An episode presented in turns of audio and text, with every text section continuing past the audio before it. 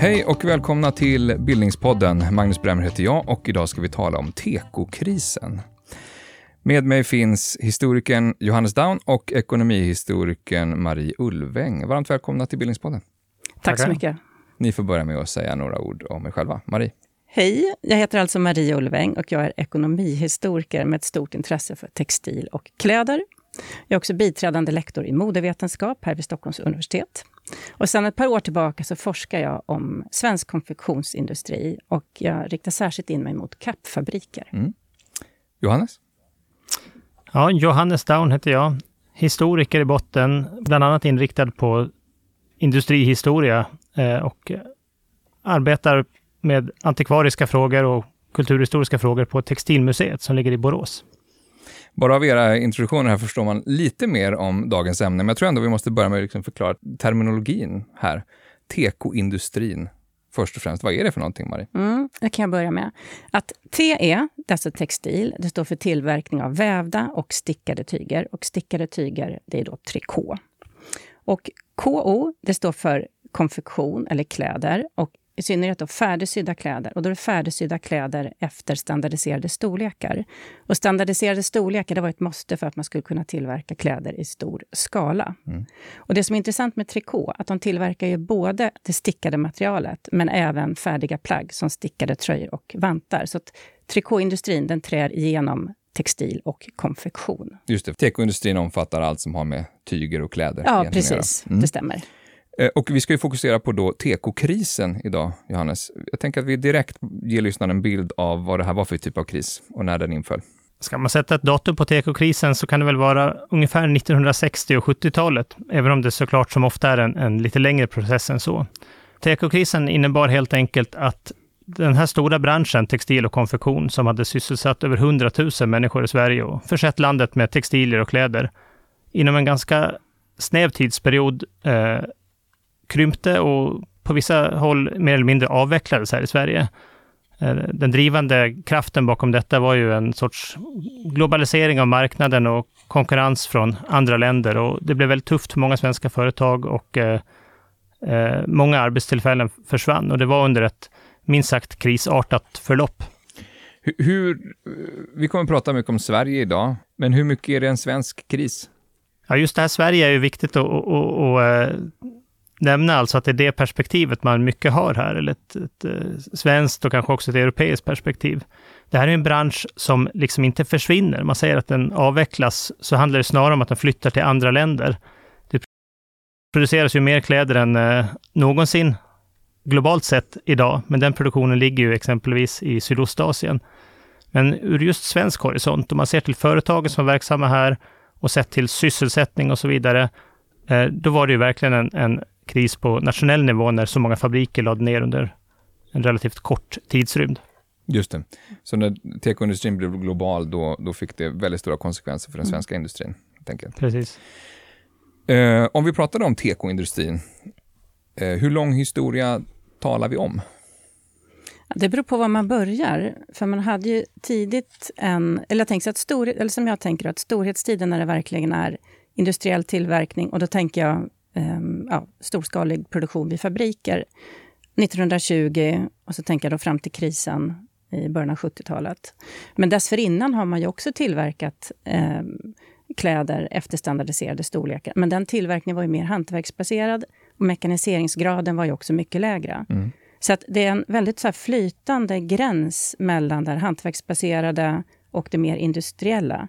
Så att det kunde ju vara industriell produktion, men i hemmen och i verkstäder. Så det handlade mer om arbetsfördelning och var någonstans arbetet utfördes. Mm. Och jag tror att mycket av den här förändringen som kom när det blir fabriker på riktigt, det handlar ju om energi. Det handlar om elektrifieringen som kommer på 1910-talet. Då flyttar man mer in produktionen in i större fabrikslokaler. Och så får vi också en annan typ av mekanisering och en teknisk utveckling. Och ser man till, till just textil och konfektion så kan man säga att just den här textilsidan, alltså stora väverier, har en mycket längre historia. Och det är en historia som i princip är lika lång som Sveriges industrihistoria mm. som sådan. Det här var en tidig bransch som blev industrialiserad. Så om väverierna och spinnerierna hör 1800-talet till, så kan man kanske säga då att, att konfektionsindustrin, alltså klädfabrikerna, snarare är 1900-talets produkt. Mm. Ja, den industriella revolutionen är ju i mångt och mycket en, en textilhistoria. Mm. Eh, man kan ja, lyssna på vårt avsnitt om industriella revolutionen om man vill få en liten förhistoria, för den slutar ungefär där vi börjar idag. Skulle ni säga att klädindustrin idag är två helt olika saker före och efter den här krisen i Europa? Mm. Ja, men absolut, det är den. Och jag tycker det är så intressant just att vi pratar om svensk konfektion och svensk klädtillverkning, kanske fram till den här krisen på 70-talet. Och sen övergår man till att prata om modeindustri. Man säger inte kläder längre. Och det var så mm. intressant, för man går in och tittar på Teko, som är den här, som själva branschorganisationen, de kallar sig själva, de beskriver sig själva, så att de vänder sig till aktörer inom textil och mode. Så det är jättetydligt att man har som flyttat fokus, man pratar om någonting annat idag. Och mycket av det är som Johannes sa, att det handlar om att tillverkningen ser ju helt annorlunda ut. Det är två helt olika system, både vad man tillverkar och hur man tillverkar. Och vi har ju den här övergången då, och det gäller ju det svenska samhället generellt, att vi övergår från att vara ett ett, äh, mer ett samhälle präglat av arbete, arbetare, till att det blir ett mer tjänstemannasamhälle. Mm. Och när det just gäller tillverkning av kläder, då var det mycket det fysiska arbetet. Och idag så är det mer, mer kontorsarbetet, att man designar mm. kläder som tillverkas någon annanstans i världen. Så det är helt, och jag tänker också så här, men det är så mycket annat som också förändras, just hur vad kläder är, vad som utgör kläders värde och hur vi betraktar kläder som ägodelar. Så mm. det sker en enorm förändring och mycket av det kokar ner på ja, 1960-talet. Mm. Ja, du är inne på jättemånga spännande saker i den här rätt komplexa historien. Vi ska försöka förklara både orsakerna bakom krisen och titta på effekterna av den i, i Sverige och globalt. Men om vi bara skulle gå lite översiktligt nu förklara varför krisen inträffar. Vilka är de stora orsakerna till att det blir en kris, Johannes? Den kanske största orsaken skulle man kunna beskriva som internationalisering eller globalisering. Alltså ökad konkurrens från andra länder där lönekostnader, produktionskostnader är lägre än i Sverige. Mm. Det gäller de stora väverierna och spinnerierna, men förstås också klädindustrin, alltså konfektionsindustrin. Är det så att man eh, inte har råd har... att, att uh, producera kläder i Sverige och Europa, eller är det så att det blir uppenbart att det blir mycket billigare att göra på andra ställen? Ja, det är, man, man tänker att man har ett läge i Sverige, säg på 40-talet, 50-talet, då är det upp mot 90 procent av de sydda kläderna som säljs här i landet som också är sydda här. Så det är mm. liksom ett Sverige som i princip är självförsörjande på färdiga kläder. Eh, men den här efterfrågan ökar ju förstås. Vi konsumerar mer och mer, så att det kanske i någon mening blir svårare att vara självförsörjande. Men framför allt handlar det om att marknaden blir större. Alltså, mm. Klädbutiker, de som säljer de här varorna till slutkunden, de blickar utanför gränserna och, och ser att de kan göra inköp billigare. Men du Maria är också inne på att det handlar om en förändrad syn på kläder, eller på mm. mode. Ja, men precis, det gör det. Och det sker under 50 och 60-talen. Och då sker det en fundamental förändring. Dels handlar det om att framförallt att yngre personer vill ha någonting annat än vad de äldre generationerna klär sig i. Och det är inte så att det inte har varit skillnader tidigare, men nu har man möjligheter på ett annat sätt. Att man kanske har egna pengar, man har mer fritid. Man har också gått från ett samhälle som varit ganska eh, fast i sin struktur till att det blir lättare att tillhöra olika grupper. Man har väl också klätt sig mm. ungefär lika under hela sitt liv och som sina föräldrar? Jo, man har gjort det. Sen har det förstås varit skillnader också. Mm. Men, men mindre skillnader? Mindre skillnader. Men det som kommer nu, det är de här ungdomskulturerna. Man får mycket influenser från populärkultur. Och det gör att man vill klä sig på ett annat sätt. Och det sättet, det är mer, en mer informell klädsel. Man vill klä sig mer fritidsbetonat. Eh, man vill inte ha de här välskräddade plaggen av ylle. Man vill ha enklare kläder i bomull och de här nya materialen, syntetmaterialen som kommer. Och Det som är oerhört viktigt också, det är att de är billiga. Och Sen vill man också gärna följa med i modet, som skiljer sig lite från det här modet som tidigare generationer har följt. Så att det är eh, verkligen en jättestor skillnad i vad yngre generationer vill ha och vad de äldre vill ha. Mm. Och Det som blir svårt då för, den här, eh, för klädindustrin, det är att svara mot den nya efterfrågan. Att, att producera de här billiga kläderna då snabbt, så att det också kan följa de här lite snabbare modeväxlingarna. Mm. Okej, okay, så globaliserad marknad, modeindustrins utveckling, så, en annan efterfrågan. Finns det andra orsaker? Är det de viktigaste? Alltså, det, absolut, det är, de, det, det, jag tänker, det är de två viktigaste och att de också då att de hör ihop, att de två sakerna tillsammans, för att just att handeln globaliseras, det handlar ju också mycket om att Sverige går in i handelsavtal som gör att de kan inte skydda sin egen produktion som man har kunnat göra tidigare. Så det gör ju också att man kan ju inte sätta stopp för de här billiga importkläderna på samma sätt som man har kunnat mm. göra tidigare.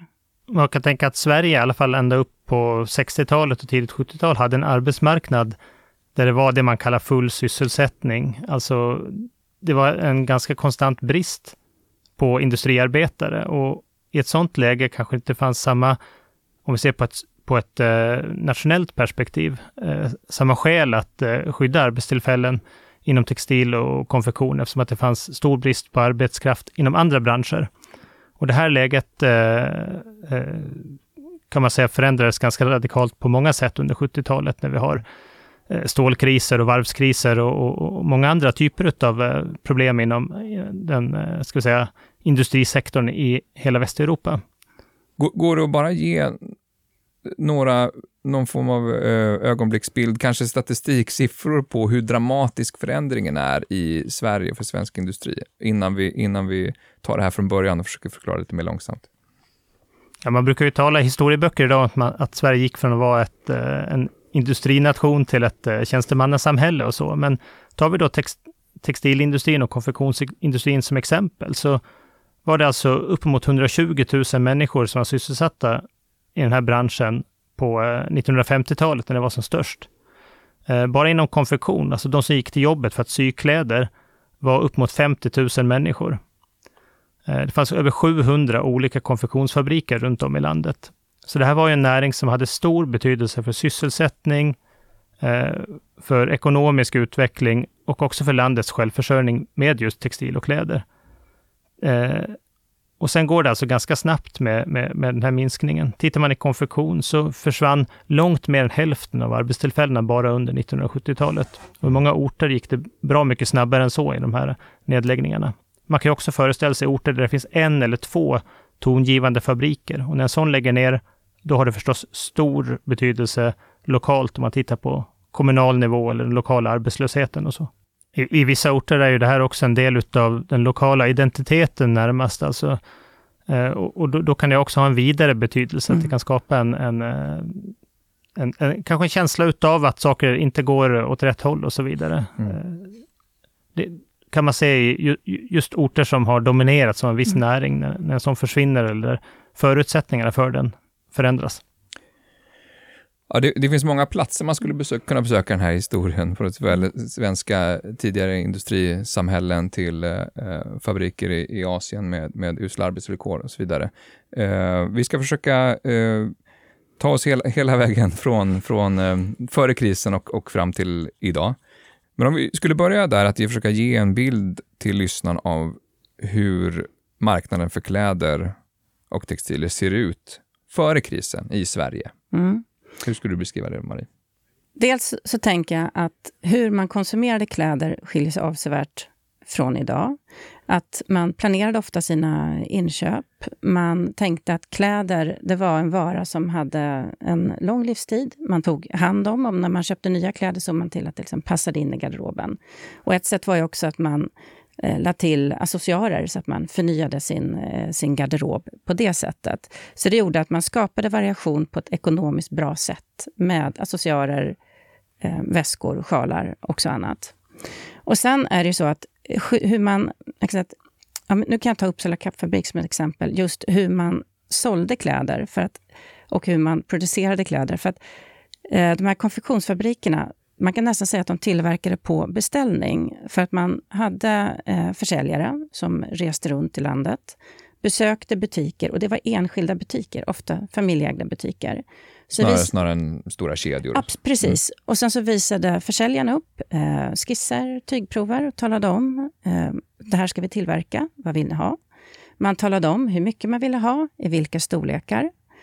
Och sen så tillverkar man dem då, så det blir som att man nästan tillverkar på beställning. Och sen kommer plaggen ut i butik. Och det är ju också att man säljer över disk. Att kunden får mycket hjälp när man kommer till butiken.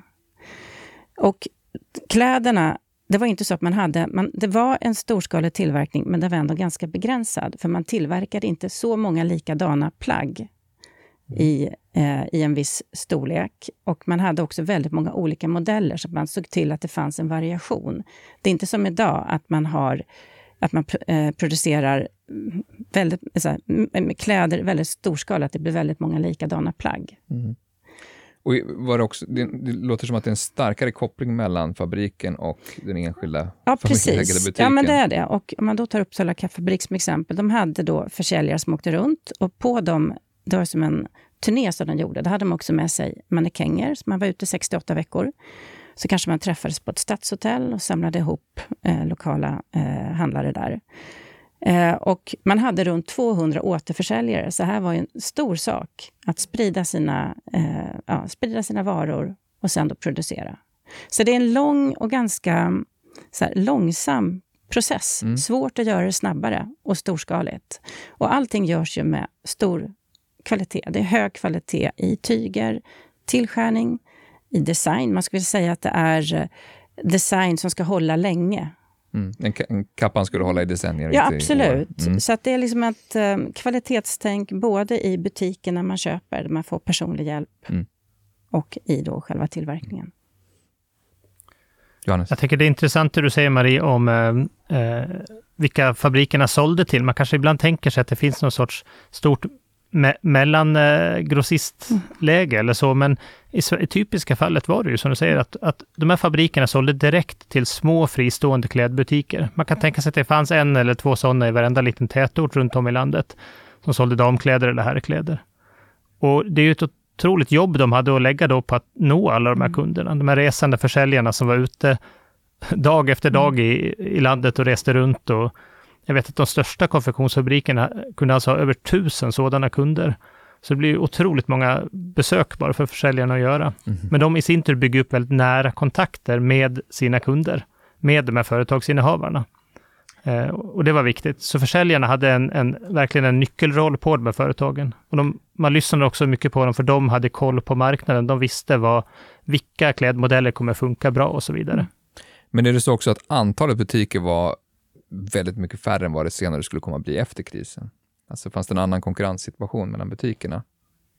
Ja, det var ju en annan sit situation på det sättet att vi har så, så, många fristående klädbutiker, alltså det är småföretagare. Så de finns ju kvar idag förstås, men idag är det ju benhård konkurrens med dels alla regelrätta klädkedjor, sådana man kan handla kläder hos, som de, i princip alla är kunder hos. Och de börjar ju växa fram i Sverige på allvar egentligen på 60 och sen 70-talet. Eh, på det har vi också varuhusen och varuhuskedjorna, Domus till exempel och så. De var ju stora, tunga kunder. Fick man en beställning från Domus, så handl- då var det, mm. fick man ligga i på fabrikerna för att kunna producera så mycket. Och sen har vi också postorderindustrin, som också kunde göra stora beställningar. Eh, och de här är ju postordern, varuhusen, de växande klädkedjorna som kommer fram lite senare i tiden. Det är också de som tar de stora initiativen för att börja importera varor från utlandet, för de kunde ta den risken, för de gjorde så stora inköp. Man kan säga att de driver på också den här utvecklingen mot, mot att vända sig utanför landet. Fördelen för ett, ett, ett större företag är ju att man kanske kan ta en ekonomisk risk när man eh, gör en beställning från eh, en fabrik i utlandet som man kanske inte haft så mycket kontakter med innan ibland händer det att varorna inte kommer tillbaka så som man har tänkt sig och sådär. Mm. Eh, och den risken kan man föreställa sig, eller att ens ta kontakt med en tillverkare i, i utlandet måste varit svårt för en liten uh, småföretagare, som kanske ett familjeföretag som drev en klädaffär i någon liten ort. Man kan föreställa sig mm. hur det var lättare för en stor postorderfirma eller en växande klädkedja eller en varuhuskedja. Men om man säger så här, om man tänker i folkhemmets Sverige, vad, hur, mellan tummen och pekfingret, hur, många, hur hög procent av de kläder som konsumeras i landet tillverkas också i landet, i Sverige? På 1950-talet så är det alltså, och 40-talet, då är det uppe upp mot 90 procent om man talar om sydda kläder. Mm. Sen typ underkläder och sånt som stickas, då var det lite lägre andel. Då, där kom importen in tidigare. Men hoppar vi fram då till exempel cirka 1980, då var det som ett politiskt mål i Sverige att åtminstone 30 procent mm. av det vi har på oss skulle vara sytt här i landet. Så mm. det hann ju hända väldigt mycket just under de här decennierna, 60, 70-talet, med eh, importen från andra länder. Mm. Det, det, landskap ni beskriver, ungefär hur länge har det sett ut så? Du var inne på att det hände en förändring där vid tidigt 1900-tal, Marie. Eller jag tänker just att om man tittar på själva tekoindustrin, då tänker jag att det är på 1960-talet, som senare när det stora händer. Men det är ju så intressant att med den här krisen, som ja, det blommar ju ut fullständigt då i samband med den här, um, oljekrisen eh, 74-75. Men det är så intressant att liksom, själva grunden för själva krisen, den har vi ju redan eh, tidigt 1950-tal. Så att för det är då man går in i de här frihandelsavtalen, så man kan inte skydda det egna landets industri. Och så 1950-talet är så intressant, för dels är det ju en fantastisk tid för konfektionsindustrin. De behöver jättemånga arbetare och konsumtionen ökar ju enormt i Sverige under 50 och 60-talet. Man har de här rekordåren. Och ehm, och generellt sett så får ju folk man får, man får mer pengar, man får mer fritid och man köper också mer kläder. Men samtidigt så har vi det här, med, så grunden till krisen finns ju redan där. För att importen utifrån ökar ju redan sent 50-tal. Och de första eh, så här, rapporterna som larmar för det här, det kom ju 58-59. Då börjar man mm. utreda tekoindustrin och redan då säger man att den är i kris. Men den stora krisen tänker vi att den kommer på 70-talet. Ja, och eh, varför, varför är just oljekrisen och 74 så viktig för Jo, för då, nu är vi så långt fram i krisen, men det blir själva dödsstöten för konfektionsindustrin som egentligen har, eh, jag ska säga att det har varit som en kräftgång från mitten av 60-talet och framåt. Mm. Men då går ju Sverige och stora delar av västvärlden går ju faktiskt ner i en lågkonjunktur och det handlar om att priset på olja, på energin, stiger med nästan 400 procent om jag inte minns fel. Och det kommer sig av en kris i, eh, mellan ja, mellan arabländer och Israel. Ett krig där. Så att då, och då, det som sker då, att för eller man har ju gjort väldigt mycket från statens sida för att rädda konfektionsindustrin. Men på 70-talet, då, då är det precis som att man lämnar det målet och då handlar det om att rädda så många arbetstillfällen som möjligt. Och det kommer ju sig av att det är ju inte bara konfektionsindustrin som krisar, utan vi har ju den tunga industrin också, och inte mm. minst varvsindustrin. Så att då då skiftar fokus. Går, man... de, går de, de här olika industriernas eh, eh, öde, går de att jämföra? Eh, är det en lika stor kris på andra håll eller är det så att tekokrisen sticker ut? Nej, jag skulle säga att det, det är intressant, men um, alltså, om man tittar på de olika industrigrenarna så är det ju mer pengar, det är större kapital i den tyngre industrin. Mm. Så att den, den kan ju vara viktigare att rädda mm. än mm. själva tekoindustrin. Och sen har jag också läst att det kan ju också finnas en koppling till att den ena är då en, eh, en manlig industri och den andra en kvinnlig. Så att det kan också ha betydelse att det kanske inte bullrade lika mycket om tekoindustrins nedläggning. Och då menar du tyngre. både när det gäller vilka som arbetar på fabrikerna ja. och vilka som huvudsakligen konsumerar? Nej, jag tänkte faktiskt på de som, vilka som arbetar. Ja, okay. ja. Den här, den här klädindustrin som, eh, som eh, i stort sett då eh, går i graven i, i den form den åtminstone har levt åt, under 1900-talet.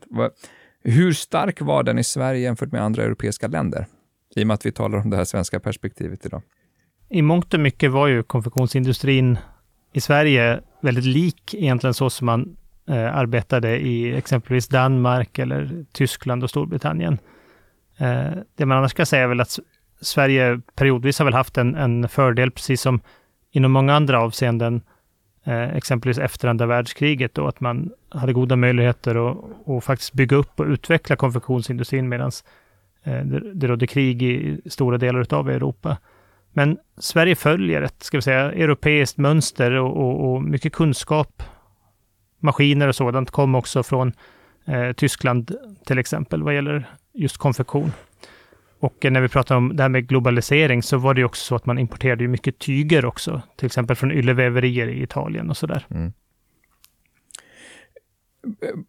Borås där du är verksam, Johannes, är ju, är ju väldigt känt för sin textil och, och konfektionstradition. Vilka var de andra starka festerna under uh, tiden uh, före krisen? Du har talat ja. om upp mot 700 fabriker i, i Sverige, men Finns det några orter Ja. som sticker ut?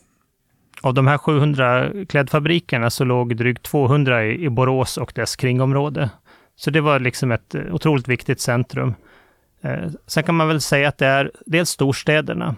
Textil och konfektion, det har varit en sorts eh, storstädernas industri. Man är nära marknaden. Det är där det folk handlar kläder och så. Så att Stockholm var jätteviktigt. Göteborg, eller Göteborgsregionen kan vi säga, var jätteviktigt. Eh, delvis Malmö också. Och sen är utav tradition eh, Norrköping var en viktig stad som hade Mm. eh, spinnerier och, vä- och väverier. Men alltså 200 av 700 fabriker i Borås. Va, bara, att, va, bara stanna upp vid det lite grann. Va, har det att göra med, jag tänker Sjuhäradsområdet har ju, och i, de trakterna har ju jättestarka anor från redan industriell Ja, revolution och textiltillverkning och sånt. Har det med det att göra eller finns det andra faktorer? Ja, det är hela Sjuhäradsområdet. Absolut har det med det att göra. Det är en tradition som går tillbaka. Man får ju tänka att om det fanns till exempel väverier på en ort, då var ju de leverantörer åt klädfabrikerna. Eh, så de här kontakterna fanns. Det fanns kunskapen om kläder, textil och så vidare. Eh, men bara en sån enkel sak som den infrastrukturen som behövs. Eh, maskinleverantörer, transporter, välfungerande järnvägsnät, olika typer av återförsäljare, postorderfirmor och sånt. Det fanns samlat i Boråsområdet, så att de här eh, verksamheterna gynnade ju varandra. Och det kanske man kan läsa mellan raderna när jag säger att det var så många fabriker, det är ju att vissa var jättestora med hundratals anställda, vissa var pyttesmå och var kanske mer som en syverkstad där det jobbade Mm. 12 personer. Men, men på grund av den här traditionen så överlever man liksom det här skiftet till den här elektrifierade industrin efter sekelskiftet då, som bygger på den här väveritraditionen från tidigare. Ja, man kan säga att Bo- Borås eller Sjuhäradsbygden som området runt omkring heter då, har väl klarat en lång serie av sådana här skiften Mm. kan man säga. Mm. Eh, om man tittar under, under århundradenas lopp när det har kommit ny teknik och, och nya industrigrenar. Och då blir ju det ett tufft fall så att säga när, när branschen förändras i grunden då på slutet av 1900-talet. N- När liksom varningsklockorna börjar ringa, de ni har redan identifierat, eh, hur agerar man från, om man tänker från, från de enskilda kanske producenterna, fabrikernas håll? Finns det tankar om att vi behöver ställa om eh, för att klara den här krisen? Eller eh, stoppar man huvudet i sanden? Eller fanns det olika strategier? Liksom? Alltså det är en jätteintressant fråga. För att jag tänker så här att när krisen närmar sig och man inser att man behöver göra förändringar, då gör ju företagen allt de kan för att stå sig bättre i konkurrensen.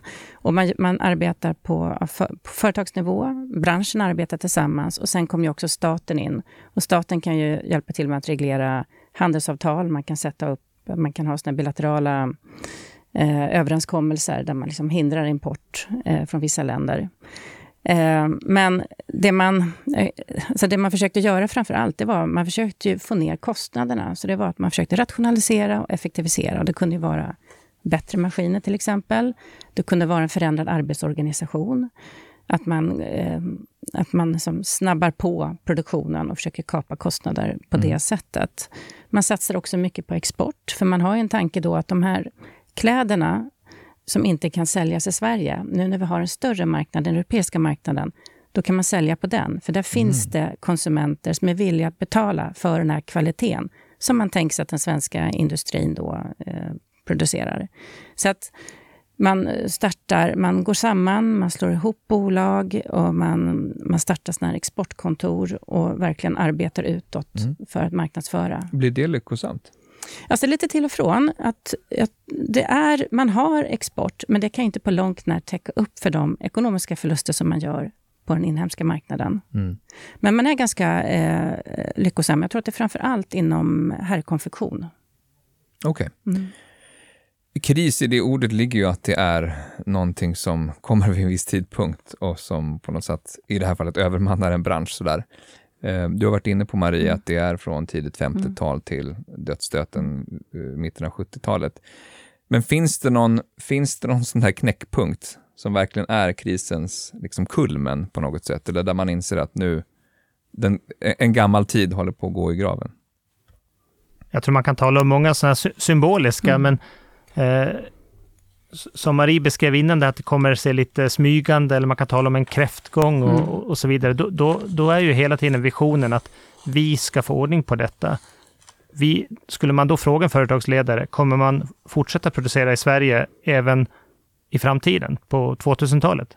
Ja, visst, det är mm. klart vi ska göra. Det är vår, vår målsättning. Men idag har vi ju liksom, vi kan titta i backspegeln.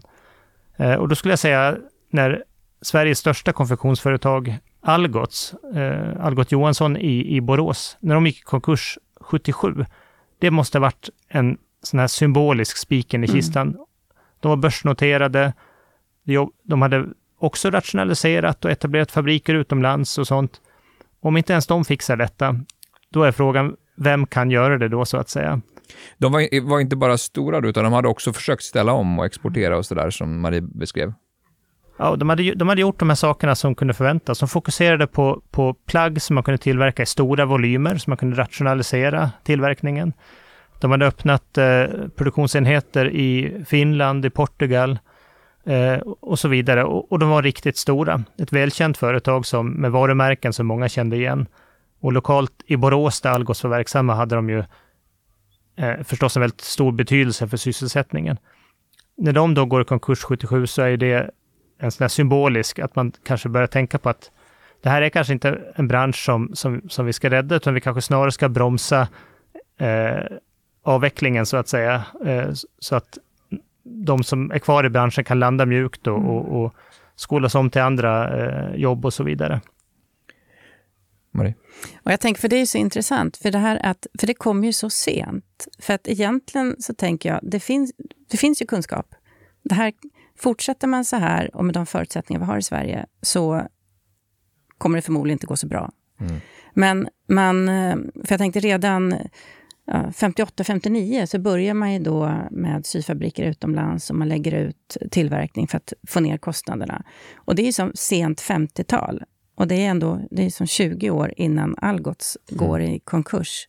Men vi har pratat en del om det där, jag och Johannes, och jag tänker så här också att men fram, I andra sammanhang. I andra sammanhang, ska jag säga. Mm. Precis. Ja, men just det här att det är klart att när man är i det så blickar man framåt. Och det jag tänker att man gör, då tittar jag tänker mycket på mina då, kappfabriker, det är att man fortsätter med samma sak för att det har en gång fungerat. Mm. Att man ställer liksom inte om tillverkning och börjar tillverka sånt som konsumenterna vill ha. Mm.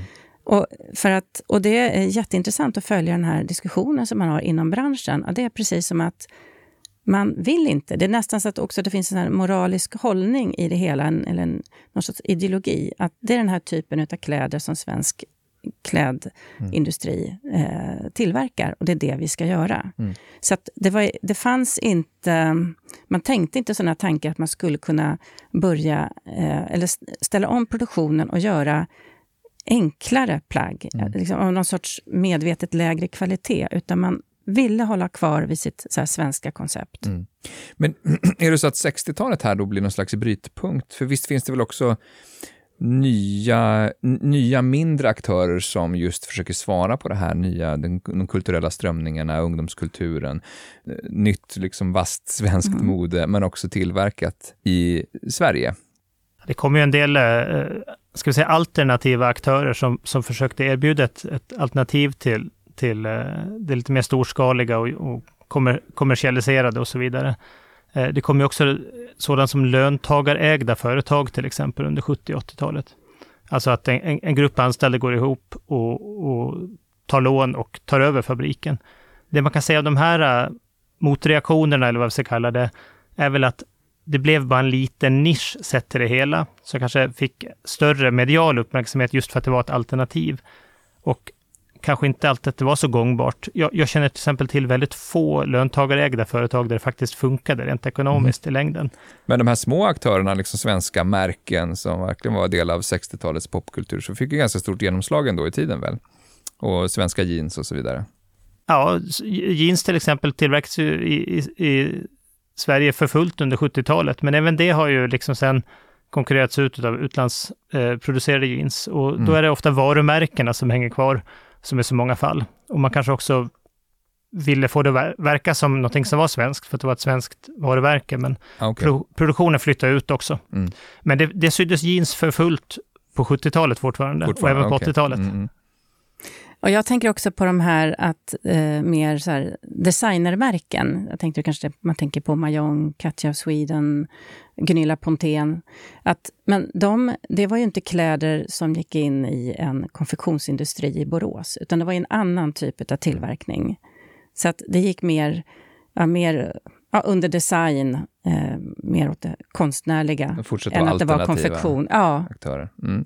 Men om man börjar i andra änden då, den eh, mode, värld och klädindustri som, som väntar på andra sidan krisen, mm. var börjar man se spåren av den eh, under de här decennierna som, som ja, för det här, om? Ja, och för det är så intressant, för det är som två parallella spår. Dels vi den vanliga så här, konfektionsindustrin som tickar på och försöker rationalisera och effektivisera, men med ungefär samma typ av vara.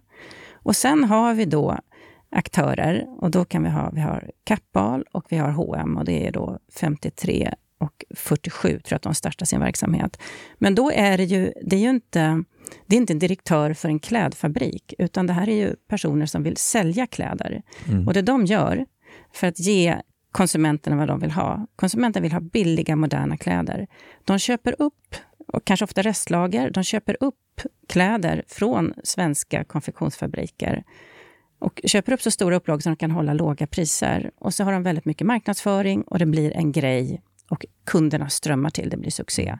Men det Vilka är liksom, handlar det om? Vad är det för typer av eh, Alltså kap, kappal, det var ju eh, kappal. Mm. Eh, så det var ju kappor eh, som de sålde. Och sen är det då H&M som startade då första butiken i Västerås 1947 och Kappal var 1953. Mm. Och H&M var två butiker från början? Var det hennes? Ja, hennes, ja, det, var hennes, det först. Var hennes först. Bara hennes och sen la man till Maurits. Det var så då? Okay. Ja, mm. Men där fanns ju en tydlig affärsidé att det är ju priset. Att det ska vara moderna kläder som kunderna vill ha. Och så ska det vara till väldigt lågt pris. Och man kan tycka liksom med den här konfektionsindustrin som går i kris, att det de inte lyckas göra, de lyckas ju inte tillverka kläder som konsumenterna vill ha. Och mm. Det är för att det i systemet är så svårt. Men de här nya aktörerna, de lyckas. Men det är också så att de köper ju faktiskt svensktillverkat från början. Mm. Och det är men i stora partier. Men i stora partier. Och väl valt. Och sen på längre sikt så övergår man ju till egen design, egen tillverkning och att produktionen ligger utomlands. Just det. Man får en väldigt bra bild här av vilka krafter som är i, i, i, i svang vid den här tiden och hur förändringen börjar se ut. Men hur, hur, hur snabbt blir de här nya aktörerna, alltså klädkedjorna eh, egentligen, aktörer som driver den här utvecklingen?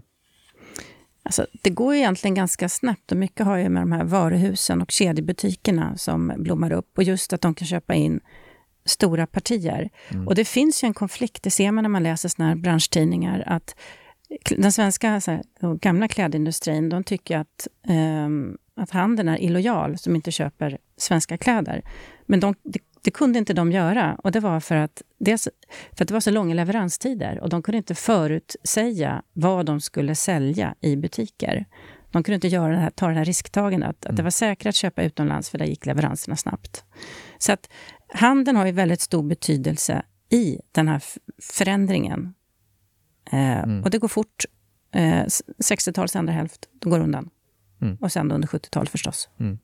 När man beskriver det som att eh, det är en bransch i kris, så har det ju inte på något sätt heller att göra med att vi köpte mindre kläder, utan just nu när vi pratar om 50, 60, 70, 80-talet och så vidare, så ökar ju liksom klädkonsumtionen bland oss svenskar hela, under hela den här perioden. Vi köper mer och mer kläder.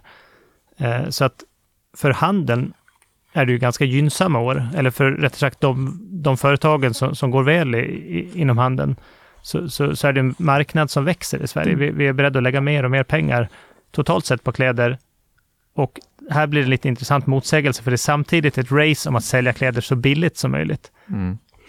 Men det är också en, det, den här förändrade synen på, på, mm. på, på vad kläder mm. är. Dels är det en modefråga, då, att de ska se ut på ett visst sätt, men det är också en annan inställning till dem. Lite mer en slit och släng-mentalitet mm. väl? Mm. Nej, men det gör det. Och där kan man säga, nej, men kan man ta den här slit och släng-debatten på 60-talet, men det handlar ju mycket om att begreppet kvalitet omförhandlas. Att det som var, att för uh, unga personer på 60-talet så kanske kvalitet inte var att kläder höll väldigt, väldigt länge. Utan det kunde vara att man kunde variera klädseln. Man behövde inte ägna tid åt att laga kläder. man kunde, att just att kläder också var viktigt, som de kunde vara på 60, från och med 60-talet, att kläder var en viktig del i skapandet av den egna identiteten och skapandet av gruppidentiteter. Och där blir ju också konsum, själva konsumtionstillfället, det blir också, man pratar om att det blir en sån här meningsskapande aktivitet, att man, man skapar sin identitet både med varorna man köper och sättet man konsumerar på. Mm. Så det är liksom grunden till våra ja, konsumtionsbeteenden som vi har idag, mm. kommer från 60-talet. Och här har vi väl också en växande medelklass som kan konsumera kläder. Jag tänker, det finns ju flera klassfrågor här. Hur, de som drabbas av den här krisen, vi har pratat om eh, storföretag, vi har pratat om svensk eh, liksom, industri i mm. stort, mm. de här orterna naturligtvis. Men de som arbetar på fabrikerna, kan ge oss en bild av vilka det är och eh, hur, hur stor skala arbetarna drabbas. Det finns ju några kännetecken som är viktiga att lyfta fram om vi pratar om textil och konfektion. Eh, ett sådant är ju att, särskilt då inom konfektion, alltså sömnad av kläder, att det är så otroligt kvinnodominerat. Industri i Sverige på 50-60-talet, det var ju eh, en bransch totalt sett som, som dominerades av män. Men inom konfektion är det det motsatta. Så det, vi talar om 80-90 procent kvinnor beroende på, på, på vilken del av eh, fabriken man tittar på. På vissa fabriker var det 100 procent kvinnor som arbetade. Så den som drabbas då på det sättet, det är ju eh, kvinnliga arbetare. Under 70 och 60-talet var det också periodiskt svårt att få tag i folk till fabrikerna. Eh, så man rekryterade mycket arbetskraft från utlandet, exempelvis från Finland. Eh, så ett annat sådant kännetecken eh, var ju att det var hög andel arbetskraft från andra länder. Så om man då tänker sig, vem var det som blev av med jobbet när en konfektionsfabrik gav besked om att de ska lägga ner verksamheten på 1970-talet? Ja, då var det väl i typfallet då en, en kvinna, kanske en kvinna med invandrarbakgrund. Och eh, så har det sett ut eh, egentligen i, i, alla tider i den här branschen. Hänger bland annat ihop då med att det är ett ganska arbetsintensiv produktion. Det går åt mycket folk till att producera varorna och då är, försöker man alltid hålla ner lönerna så att säga för att inte kostnaderna ska bli för höga för att producera. Så i den svenska tekokrisens fall så är det är väldigt många som, som har ganska nyligen kommit till Sverige, fått arbete i en industri som senare läggs ner. Alltså ser ju läget definitivt ut på, på 70-talet. Mm. Och många av de här blir kvar i Sverige. Finns inga andra alternativ? Mm. Ja, vi nämnde ju Borås tidigare som, som var en sån utpräglad textilstad. Där var alltså omkring 10 procent av befolkningen eh, eh, född i Finland och inflyttad till staden då som eh, eh, arbetskraft i industrin. Så, och det är, det är ett arv som fortfarande sätter sin prägel på Borås. Det finns en stor finsktalande befolkning och, och, och folk som har då det här finska arvet med sig. Om, om man tänker, hur, hur ser den här arbetskraften ut eh, efter krisen, alltså decennier efter och kanske fram till idag, när produktionen flyttas till, till andra länder, eh, i Asien framför allt. Ehm, finns det likheter det i, i arbetskraften? Finns stora likheter. Det är ganska intressant alltså hur, hur de här uh, sakerna inte förändras, även om det går hundra år. Tittar man på ett foto från en syfabrik på 1930-talet, så sitter ett gäng unga kvinnor och syr tätt eh, längs med ett bord och så där vid sina symaskiner. Tittar man hur det ser ut i Dhaka i Bangladesh till exempel idag, så är det ju kvinnodominerat, det är unga arbetare och det är en väldigt hög andel arbetare som har flyttat in till städerna, till kåkstäderna eller kommit från andra länder. Finns det andra saker som är, som är viktiga att nämna sen med hur liksom 80 och 90-talets eh, tekoindustri Jag kan ju bara snabbt ut? lägga, kan vi lägga till detta, att det gjordes ju stora insatser från staten mm. också att stödja enskilda företag. Och det här ledde ju till slut till att staten också blev en stor ägare mm. utav tekoföretag. Eh, när företaget Algots gick i konkurs 77 så var ju inte det slutet för det företaget. Det fanns kvar ett par år efter att det hade rekonstruerats. Men då var staten ägare och det ingick en mm. statlig eh, koncern då som en lång rad företag ingick i. Och det var just för att rädda företagen och kanske åtminstone bromsa nedgången. Ett fåtal av de här företagen finns faktiskt kvar som varumärken än idag. Oskar Jakobsson och Tiger till exempel, mm. som gör herrkläder. Jaha, och staten som, gav, som var... Som var äh, ägdes av staten under en period och tog sen, övergick sen på 80-talet till att bli privata igen under nya ägare. Vad hette de eh, tidigare? Oskar Jakobsson har kanske hette Oskar Jakobsson, men Tiger hette något annat. Tiger hette från början Schwarzman och Nordström och var ett riktigt stort herrkonfektionsföretag som låg i Uddevalla.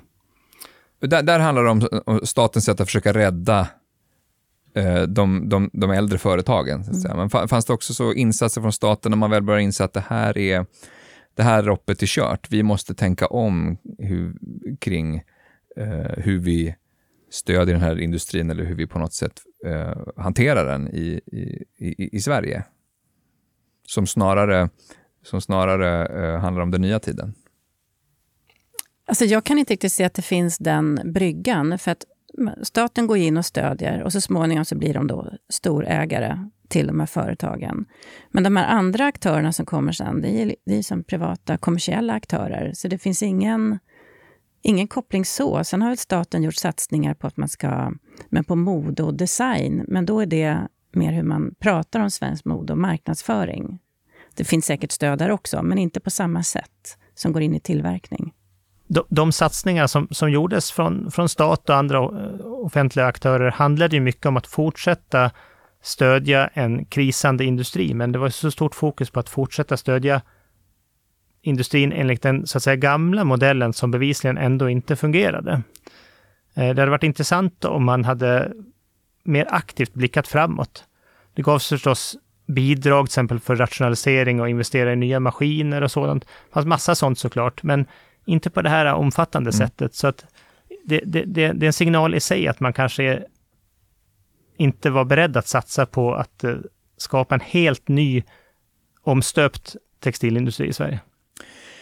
Det finns ju i vår tid mycket, jag menar, vi, vi pratar mycket hållbarhet, vi pratar uh, om lokalproducerat uh, och andra sådana saker. Finns det, har, har, finns det liksom motreaktioner idag eller skulle ni säga att vi, är de att betrakta som just sådana här alternativa aktörer som på 60-talet ungefär och att vi är fort, fortfarande i väldigt hög grad lever i tiden efter krisen? Alltså frågan är ju liksom om, eh, om det går. Det mm. kanske är det. För att jag tror att som det är nu så är det väl bättre att man försöker få ordning på den industri som finns mm. där den är. Och där finns ju väldigt mycket att eh, jobba med. För, ja, det är väl en av världens mest ojämlika branscher och klimatförstörande. Ja, ja, men det är ju det. Och sen den här stora stötestenen är ju att vi har lagstiftning i Sverige. Även EU har ju nya direktiv. Att är 2030 så ska man inte tillverka snabbmode i Europa. Och jag har inte riktigt gått och tittat ordentligt på det, men det ser även ut som att man inte vill att det ska säljas kläder på samma sätt som är tillverkade under de omständigheter. Så det finns ju, alla är ju rörande överens att man måste göra någonting eftersom eh, kläd och modeindustrin en enormt stor eh, så klimatbov. Så att man måste göra någonting. Och egentligen, det vet ju alla, vi behöver ju inte tillverka några nya kläder överhuvudtaget. Mm. Det, det, det, behövs ju nästan ett, så här, att man så här, ändrar sitt mindset i hela samhället kring mode och eh, klädindustrin. För vi vet att så här kan man inte tillverka och så här kan man inte konsumera. Mm. Och det är jättebra att det sker, börjar ske viss lagstiftning, men också att enskilda individer gör saker och att man startar, det finns ju väldigt många näthandel och sånt som just man ägnar sig åt second hand och man, det finns ett större intresse för att laga kläder än tidigare. Det som sker lokalt, som vi ändå har sett lite grann på senare år, det är att jag uppfattar att det ändå finns ett ökat intresse, till exempel i Sverige, för lokalproducerade plagg. Och det är kopplat just till hållbarhetsaspekter, att eh, minska liksom de här transporterna som går över hela jordklotet och, och förstås i förhållande till arbetsförhållanden i andra länder. Men det är fortfarande så himla lite. Mm. Det är så liten del utav, utav branschen som helhet. Eh, det är långt mindre än en procent av, av klädkonsumtionen i Sverige som består av svenskproducerade varor. Jag skulle gissa att det är min, det kanske rör sig om 3-4 promille eller något sånt där. Och lika fullt är det här viktiga exempel. De är, de, de, de, de är nyttigt att lyfta fram för de visar på att det går att skapa affärsmodeller för att få, ha ett lokalproducerat mode. Men jag får ofta den här frågan, ska vi tillbaka till Sverige som var självförsörjande på kläder? Mm. Och där är svaret, nej, det är väl inget självändamål.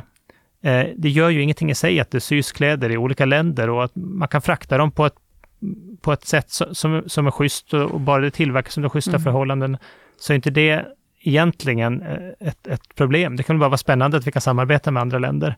Och vi kommer aldrig ha den arbetskraften och så i Sverige att kunna sätta tiotusentals människor i textilfabriker när det finns arbetskraftsbehov inom andra branscher.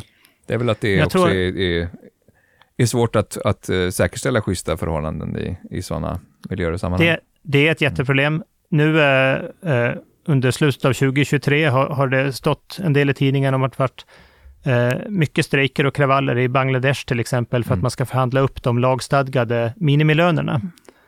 Och det är de lönerna som sen eh, fabrikerna i typfallet också följer. Men minimilönerna som ändå är lagstadgade är alldeles för, svår, för låga då för att kunna leva på, så att man måste jobba väldigt mycket övertid för att kunna få ut lite mer lön och, och kunna leva på det och så där. Så det, är jätteproblematiskt, mm. givetvis. Så man kan säga att en bransch som, som eh, eh startade om så att säga i samband med tekokrisen, den är fortfarande i väldigt hög grad i, i kris, i en global mm. kris.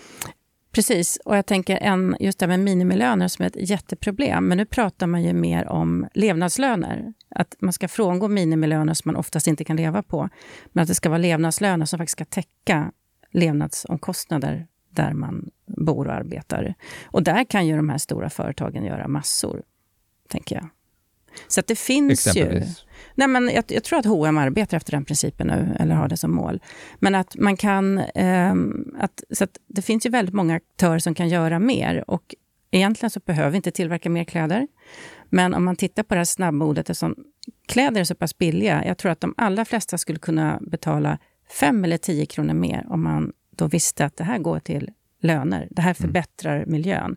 För det är ett problem att det priset som vi har på kläder, det täcker inte in kostnader för det här sociala, eh, ohållbara eller för miljöförstöring. Så att det, det måste ju ske någonting. Mm. Att priset på kläder ska liksom motsvara vad det egentligen kostar att tillverka.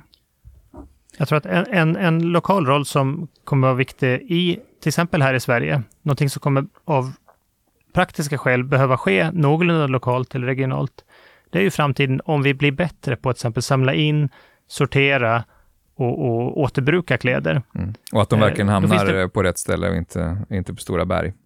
Ja, precis. Mm. Och, och, där sker det ju förstås ett stort arbete redan i Sverige. Jag tycker det har hänt mycket bara de senaste fem tio åren. Men om det här verkligen blir en del av vår klädkonsumtion, eh, he, hela systemet, då kommer ju det här skapa eh, arbetstillfällen och, för, och, tillfällen för företag och så att, mm. att kunna verka i Sverige.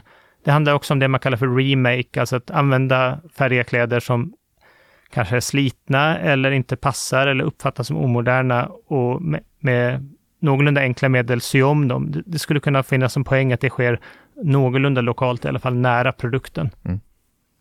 Det här är vägarna framåt, tänker ni, som forskare? Mm, men det är mycket, mycket jobb kvar. Mycket mm. av det här är ju bara lyckade exempel, enstaka som man ser här och var. Det är ju mm. fortfarande en ganska liten del av, mm. av vår klädkonsumtion i helhet som, som ser ut på de här sätten. Nej, för jag tänker också, för ett problem, eller en del av problematiken är ju att eh, idag, eftersom en stor del av produktionen ligger så långt bort, så har man ju också förlorat så mycket kunskap. Att, jag tänker unga personer idag, de vet egentligen väldigt lite om det materiella. De vet inte om ett, eh, ett plagg, om det är, om tyget är vävt, om mönstret är tryckt. Och, men däremot så kan de ju väldigt mycket om det, så här, plaggens immateriella värde. Det som handlar om märken, om designer och varför plagget är värt någonting. Så jag tänker att mycket av den här problematiken handlar liksom faktiskt om de fysiska plaggen, den typen av tillverkning. Så jag tänker att det handlar mycket om, ja, men mycket om kunskap och faktiskt förstå värdet av kläder, också då det här materiella värdet som vi har. Så att, eh, ganska mycket av det här arbetet kan en enskild konsument, en enskild lyssnare av den här podden göra på egen hand? Ja, men absolut. För det handlar ju om att inte tycka att det är hopplöst, utan att, att man faktiskt kan eh, göra någonting. Och att den här variationen som man är ute efter när man köper nytt, att det kan man skapa på andra sätt än att man köper någonting nytt. Mm. Och är det någonting som modebranschen är duktig på, så är det att bygga varumärken och att mm. genom varumärken övertyga oss konsumenter om att köpa olika varor. Mm. Vare sig vi är medvetna om det eller inte. Och ju mer man kan bygga in då sådana här aspekter kring hållbarhet som, som värdebärare i de här varumärkena, eh, så, så kan man ju komma framåt den vägen. Och, och där ligger ju ett, ett, ett eh, stort ansvar, skulle man kunna säga, men också en väldigt stor möjlighet mm. hos modeföretagen, om de vill liksom vara fortsatt framgångsrika i, i klädbranschen även i framtiden. Så om man som eh, lyssnare nu vill lära sig ännu mer, antingen om hur kläder blir producerade eller om eh, tekokrisen som historiskt fenomen, eh, eller någonting annat av det vi har pratat om, har ni tips på vart man kan vända sig? Om man befinner sig i Västsverige eller har vägarna förbi så skulle jag absolut tipsa om ett besök på Textilmuseet där jag själv arbetar. Det var ett väntat tips. Eh, vill man läsa om eh, tekokrisen så tycker jag det är ett, eh, och tekohistoria i stort, så finns det mycket nu också i litteraturens värld. Författaren Susanna Alakoski har skrivit ett par böcker, en pågående serie av böcker som utspelar sig mycket i den svenska och även finska textilindustrin. Och man får bland annat följa tekokrisen och detta. Så det är spännande, så får man det mer i en eh, eh litterär berättande form. Just det, Bomullsängen bland annat. Mm. Precis. Och jag tänker att eh, såna industriminnesföreningar, de kan mm. ha ett fantastiskt material och kanske utställningar och arkivmaterial. Men sen tänker jag också bara att gå in och söka i en tidningsdatabas. Att söka på ett företag eller söka på tekoindustri. Då kommer man ju direkt in i eh, ja, den svenska textil och konfektionshistorien. Och det är ett väldigt lättillgängligt sätt. Mm. Du tänker Kungliga biblioteket har Till exempel, ja. digitaliserat väldigt mm. många tidningar. Man kan söka fritt. Eh, bra tips. Eh, tusen tack Johannes Down och Marie Ulveng för att ni vill vara med i Bildningspodden. Tack. tack så mycket. Tack också ni som har lyssnat. Det här var sista programmet för säsongen. Vi är tillbaka på det nya året med nya avsnitt.